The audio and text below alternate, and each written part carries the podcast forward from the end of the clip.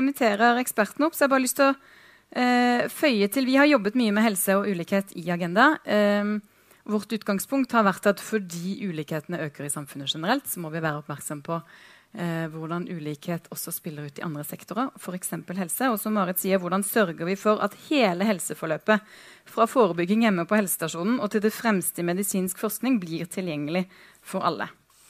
Eh, vi ser også at nordmenn har høy tillit til det offentlige helsevesenet. Det viser innbyggerundersøkelsene hvert år. det viser spørreundersøkelser.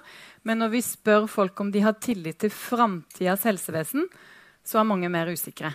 Eh, så vi har også lyst til å utforske litt i dag om fallende tillit til helsevesenet kan bli en selvoppfyllende profeti. Eh, hva skal til for å gjenreise tillit til framtidas helse? Og så vet vi at eh, helsesystemet fra, gjennom hele løpet blir stadig mer komplisert fordi vi kan og vet mer og mer. Eh, vi har hatt en sterk utvikling i pasientrettigheter. Eh, pasientene har rettigheter og de har høye forventninger, og de skal orientere seg i et stadig mer komplisert landskap. Eh, og Det betyr jo også at helsesektoren brytes mellom på den ene siden ønsket om å dokumentere og holde ansvarlig og, og, og sikre rettighetene til pasientene. Og på den andre siden en vekst i mål- og rapporteringskrav, i tillegg til eh, kravene til den enkeltes, enkeltes evne til å finne fram i de mulighetene og tilbudene som, som finnes. Eh, til å hjelpe oss å forstå og sortere dette landskapet eh, Da kan du få lov å gå og sette deg. Så har jeg eh, fått hjelp av to eksperter. Eh, det er Camilla Stoltenberg, som er direktør på Folkehelseinstituttet, og kreftlege Arne Berg fra Legeforeningen. Camilla er lege og forsker med doktorgrad i epidemiologi eh, og direktør ved Folkehelseinstituttet. Arne Berg eh, er styremedlem i Legeforeningens Norsk onkologisk forening, og han er til daglig overlege ved Drammen sykehus. I dag er han her som styremedlem i Norsk onkologisk forening. bare sånn at alle det er klart. Eh, de representerer jo sammen helseforløpet fra forebygging og folkehelse og helt til den aller mest spesialiserte eh, medisinen vi har. Eh, samfunnsperspektivet og den enkeltes opplevelse av å møte med helsevesenet. Så da har jeg bare lyst til å ønske velkommen til dere, Arne og Camilla.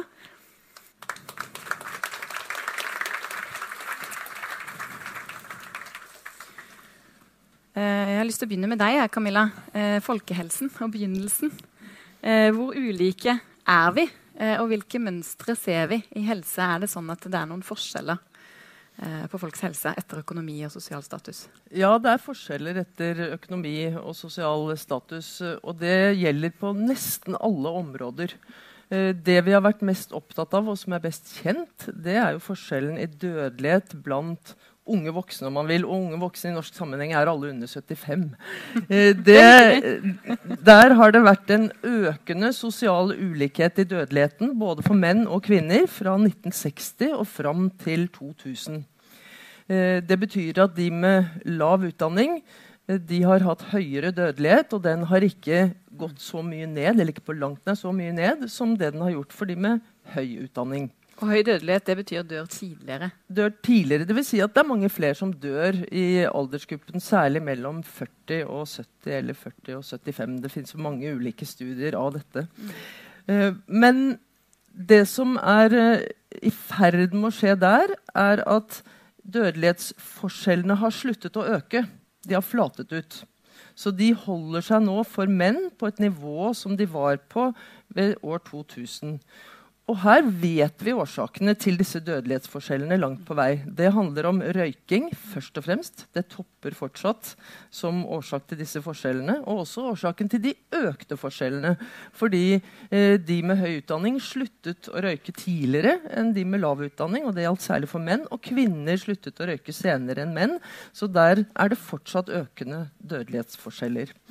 I tillegg til røyking så dreier det seg om alkohol og det dreier seg om lite fysisk aktivitet og eh, om usunt kosthold.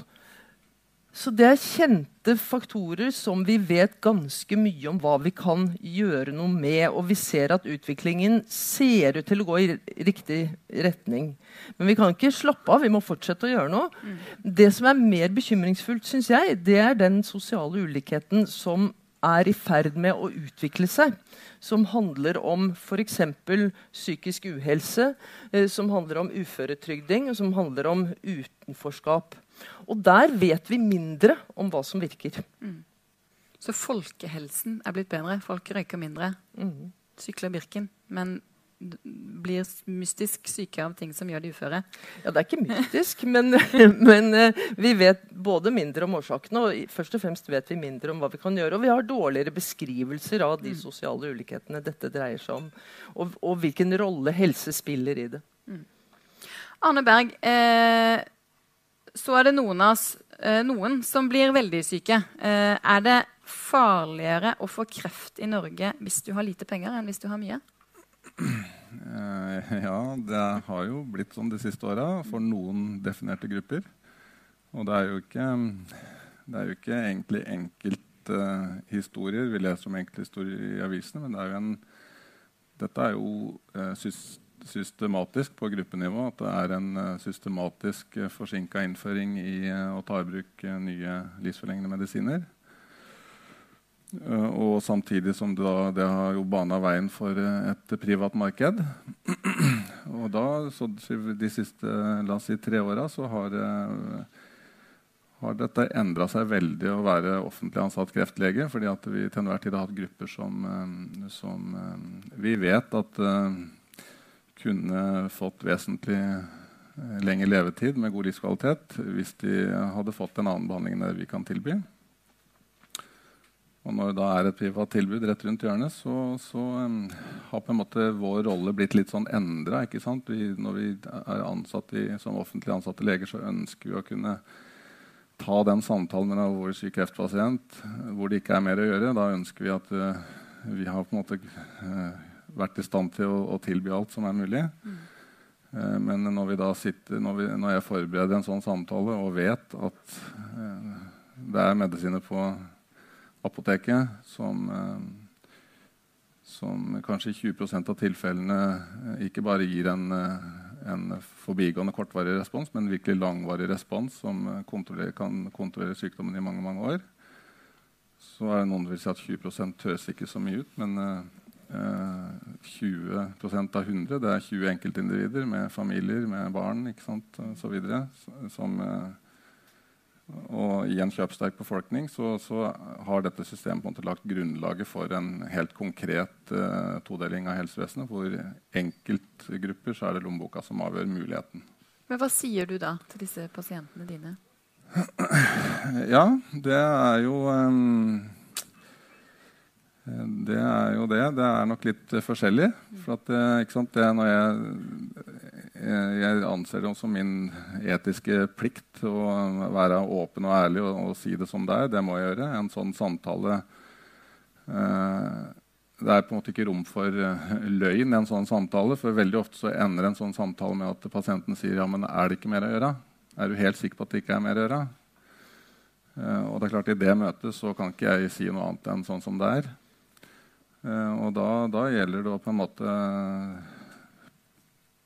ikke overselge muligheten for, eh, for effekt av nye medisiner, men samtidig så kan jeg ikke heller eh, holde skjult at det er en viss mulighet eh, hvis du, hvis du velger å ta privat behandling. At, men faren er jo, som jeg tenker mye på, er jo at det er klart ha en ressurssterk person. altså jeg vil si at Nesten alle som sitter her, de, de, ville stilt med det spørsmålet. Og de ville sannsynligvis vært villige til å, til å finne fram eller låne penger, øke huslånet. Altså, det er så mye kjøpsterke folk. Um, men det, så, så de ressurssterke personer kommer og, og, spør og graver. De har søkt på nettet sjøl. Da er samtalen egentlig ganske grei. Problemet er jo hvis, eh, hvis, det er personer som ikke spør. Skal jeg da på selvstendig grunnlag ta opp problemstillingen? Eh, er det på en måte å legge sten til byrden for den pasienten? Og da har du det problemet at eh, skal jeg la liksom, mine fordommer overfor den vedkommende styre hvordan jeg informerer? Så her er det en rekke problemstillinger som vi på en måte eh, ikke altså som miljøet diskuterer. Er altså, det er det jeg mener at vi på en måte har, Den legerollen er i ferd med å endre seg litt som offentlig ansatt lege, hvor vi må finne ut av hvordan vi skal møte disse problemstillingene. Vi skal komme litt tilbake til den, den situasjonen når man har blitt veldig syk. Men, men eh, mye forskning sier vel også at mye av ulikhetene både i, i helse og selvfølgelig øko økonomi oppstår lenge før man blir alvorlig syk og havner på sykehuset. Eh, hvordan får vi færre på sykehus og bedre levekår, og gjør vi nok for å forebygge? Um, det er flere spørsmål. Ja. Vi gjør ikke nok for å forebygge, etter min mening. Vi vet at forebygging lønner seg. Det fins mange ulike økonomiske analyser av det. Og det fins helt ferske analyser, f.eks. fra England fra tidligere i år, som viser at for hver krone man investerer, så får man mange ganger igjen. Eh, og det som lønner seg aller mest, det er eh, faktisk regulering på nasjonalt eller internasjonalt nivå. Nå, da mener jeg i økonomisk forstand. Ja. Uh, og det hva slags regulering tenker du på? Nei, F.eks. har tobakksregulering vært Ja. uh, veldig lønnsomt. Man vet også at den type tiltak uh, det er de tiltakene som oftest på sikt, ikke med en gang, og det er også tobakksreguleringen et godt eksempel på, virker sosialt utjevnende. Eh, og det betyr at tiltak rettet mot hele befolkningen er vanligvis mer effektive. Men de er det veldig vanskelig å få entusiasme rundt. fordi da kan du ikke peke på nøyaktig hvilke mennesker det er dette hjelper. Og du kan ikke peke på at det hjelper så mye for hver enkelt. For her er det summen av alle de små forbedringene som gjelder alle i hele befolkningen, som gjør det store utslaget. Så vi gjør ikke nok når det gjelder forebygging. Vi gjør ikke nok når det gjelder kunnskap om hvilke forebyggende tiltak som vil lønne seg, og følge opp de tiltakene vi iverksetter for å se om de lønner seg. Eh, og det er helt riktig at det er tiltak som starter ofte mange tiår før. altså Den ulikheten i dødelighet som vi nå ser, er et resultat av eh, handlinger, av atferd, som har gått gjennom mange tiår, gjennom et helt livsløp ofte. Og endringene kommer også tiår senere etter at tiltakene er satt inn. For Du nevnte røyking. Der har vi jo regulert ganske mye etter hvert. Hvis du skulle spekulere litt, da. Eh, hva slags forebyggingstiltak er det vi burde utforske nå, som, som kunne hatt en lignende effekt? Jeg tror at vi burde ha en mye mer pågående holdning til det å se på nettopp hvilke forebyggende tiltak kan virke, og å gjøre analyser der vi ser på dette i sammenheng. Vi skal selvfølgelig behandle. Det er helt utenkelig at vi ikke skal behandle. Og vi skal lindre smerte, og vi skal redusere skade. Men hvordan vi skal avveie investeringene i forhold til å investere i forebygging, det har vi nesten aldri sett på. Så når vi snakker om fedmeepidemien, eksempel, så snakker vi om fedmeoperasjoner isolert sett, og gjør beregninger av hvor bra er det for helsen til de som får tilbud om det. Men vi veier det ikke og ser det ikke i sammenheng med det å gjøre forebyggende tiltak. Så hvis vi skal se på forebyggende tiltak, så tror jeg vi må jobbe mye mer systematisk med hvor er det det lønner seg å sette inn eh, innsatsen. Og nå er det gjort mye for å sette inn innsats lokalt. Det er gjort en god del for å sette inn innsats på det jeg vil kalle Det er veldig positivt, men på et litt sent tidspunkt. Ja. Altså etter at noe har utviklet seg, sånn som psykologer i kommunene, eh, helsesøster på skolene, fanger jo da vanligvis opp noe som er kommet ganske sent. De tiltakene som er mer samfunnsmessige, og som handler om at vi ikke engang får behov for tidlig innsats, og at vi ikke får behov for den behandlingen før veldig sent i livet, de tiltakene har vi i liten grad gått inn på og analysert og, og diskutert hvordan vi kan iverksette. Det er en veldig morsom forsker i USA eh, som heter Mosafarian, og han sammenligner måten vi håndterer eh, hva skal vi si, usunn mat på med måten vi håndterer trafikken på. Eh, og i trafikk eh, så har vi vært veldig villige til å regulere på samfunnsmessig nivå. Alle må bruke setebelte, det er fartsgrenser for alle. Mens når det gjelder eh, f.eks. kosthold, så sier vi at det må vi overlate til individene i veldig stor grad. Og er lite villige til å bruke sterkere samfunnsmessige virkemidler. Eh, så jeg tror vi bør diskutere det også. Hva er det vi er villige til? Hva er det vi ønsker å, å leve med? Hva er det vi ønsker å oppnå? Vi trenger en diskusjon om det. Det er ikke bare å si at regulering må vi innføre. fordi det virker aldri hvis ikke folk ønsker seg det.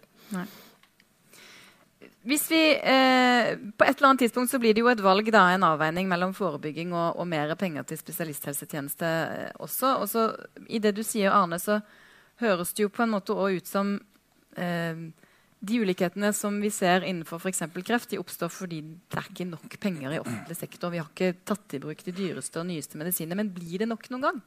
Eh, når medisinsk utvikling går så raskt, kan vi noen gang få et offentlig kreftbehandlende system som er bra for alle?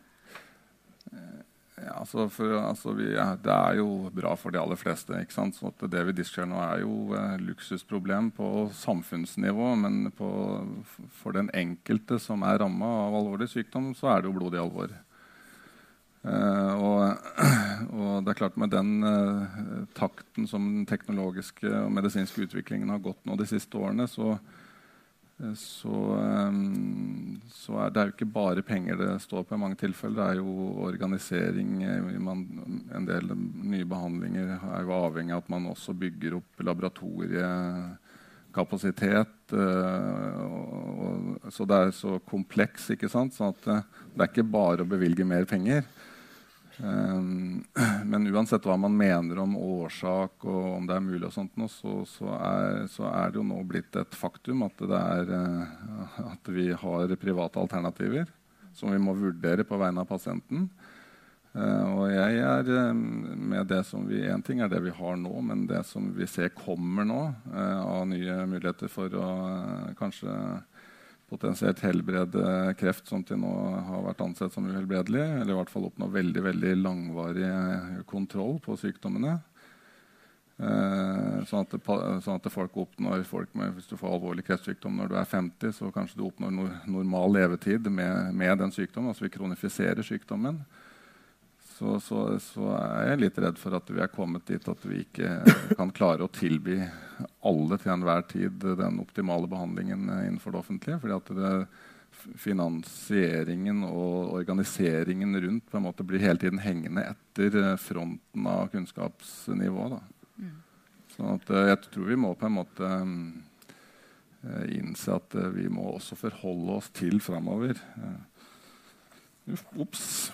Det var ingen som hadde vi må, vi, vi må eh, altså vi, vi, må på en måte altså Det har jeg savna litt grann, uh, i de, debatten. Altså, vi er nødt til å akseptere når vi, når vi har definerte grupper pasienter som underbehandles innenfor det offentlige tilbudet i forhold til hva vi vet hadde vært mulig så, så, må vi også eh, som samfunn eh, diskutere hva skal vi gjøre med den gruppen.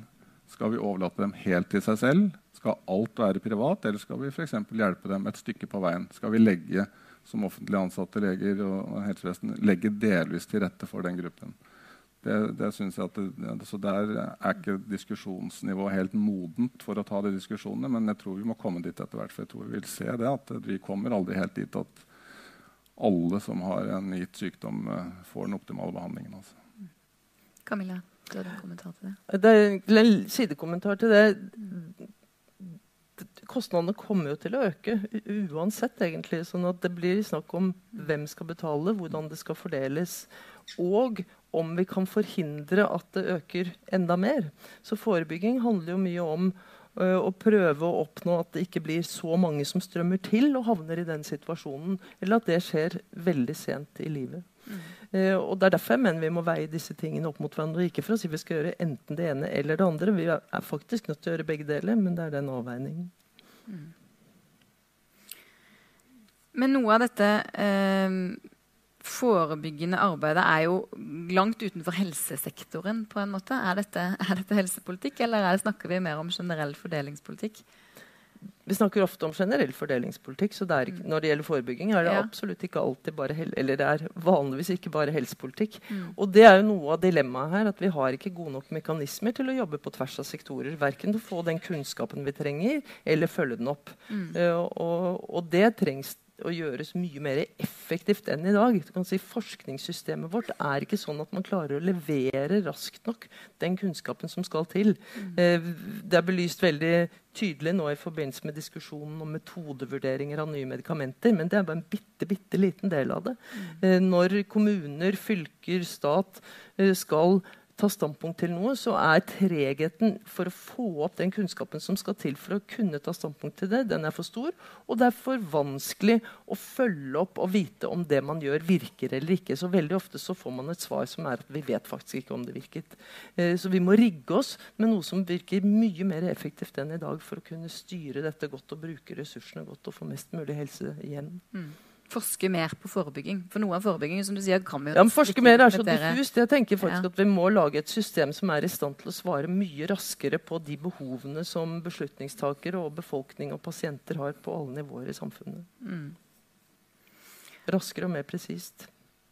Arne, du, opp, du, har tatt opp dette med todeling, og at måte, vi, er, vi, er, ikke helt modne for å eh, Vi har, har, ikke helt tatt den debatten ennå. Er det en slags fornektelse her? av... Eh, ja, jeg tror det. For man vil jo liksom at det offentlige norske helsevesenet skal Altså Hvis du blir alvorlig syk, så vil du stole på at offentlig helsevesen strekker seg så langt, så langt som er mulig. Mm. Eh, men, eh, men, eh, når det gjelder alvorlig kreft, så har det ikke vært sånn for alle. For mange, men ikke for alle de siste årene. Og, og, og og vi, kom, vi, har liksom ikke kommet lenger i diskusjonen at vi, at vi, prøver å forklare hvorfor det er sånn. Jo, det er dyre legemidler, og det er, det er kompliserte forhandlinger og kompliserte metodevurderinger. og sånt nå. Men, øh, men øh, vi har altså hvert år eh, de siste årene sant, hatt hundrevis av pasienter som har måttet, måttet fått det valget. Skal de betale dyre dommer for privat behandling, eller skal de akseptere at det eneste alternativet det offentlige kan tilby, er lindrende behandling mot livets slutt? Uh, og, og, den gruppen føler jeg på en måte um, blir litt sånn neglisjert i diskusjonen. Altså, hva, hva, gjør vi med dem? For de er jo mine pasienter se, konkret. da. Selv om de, jeg ikke kan gi dem den behandlingen, så, jo, så, så må jo jeg på en måte ivareta de pasientene sine interesser. Selv om jeg er offentlig ansatt lege, og selv om det gir noen begrensninger på hva jeg kan gjøre.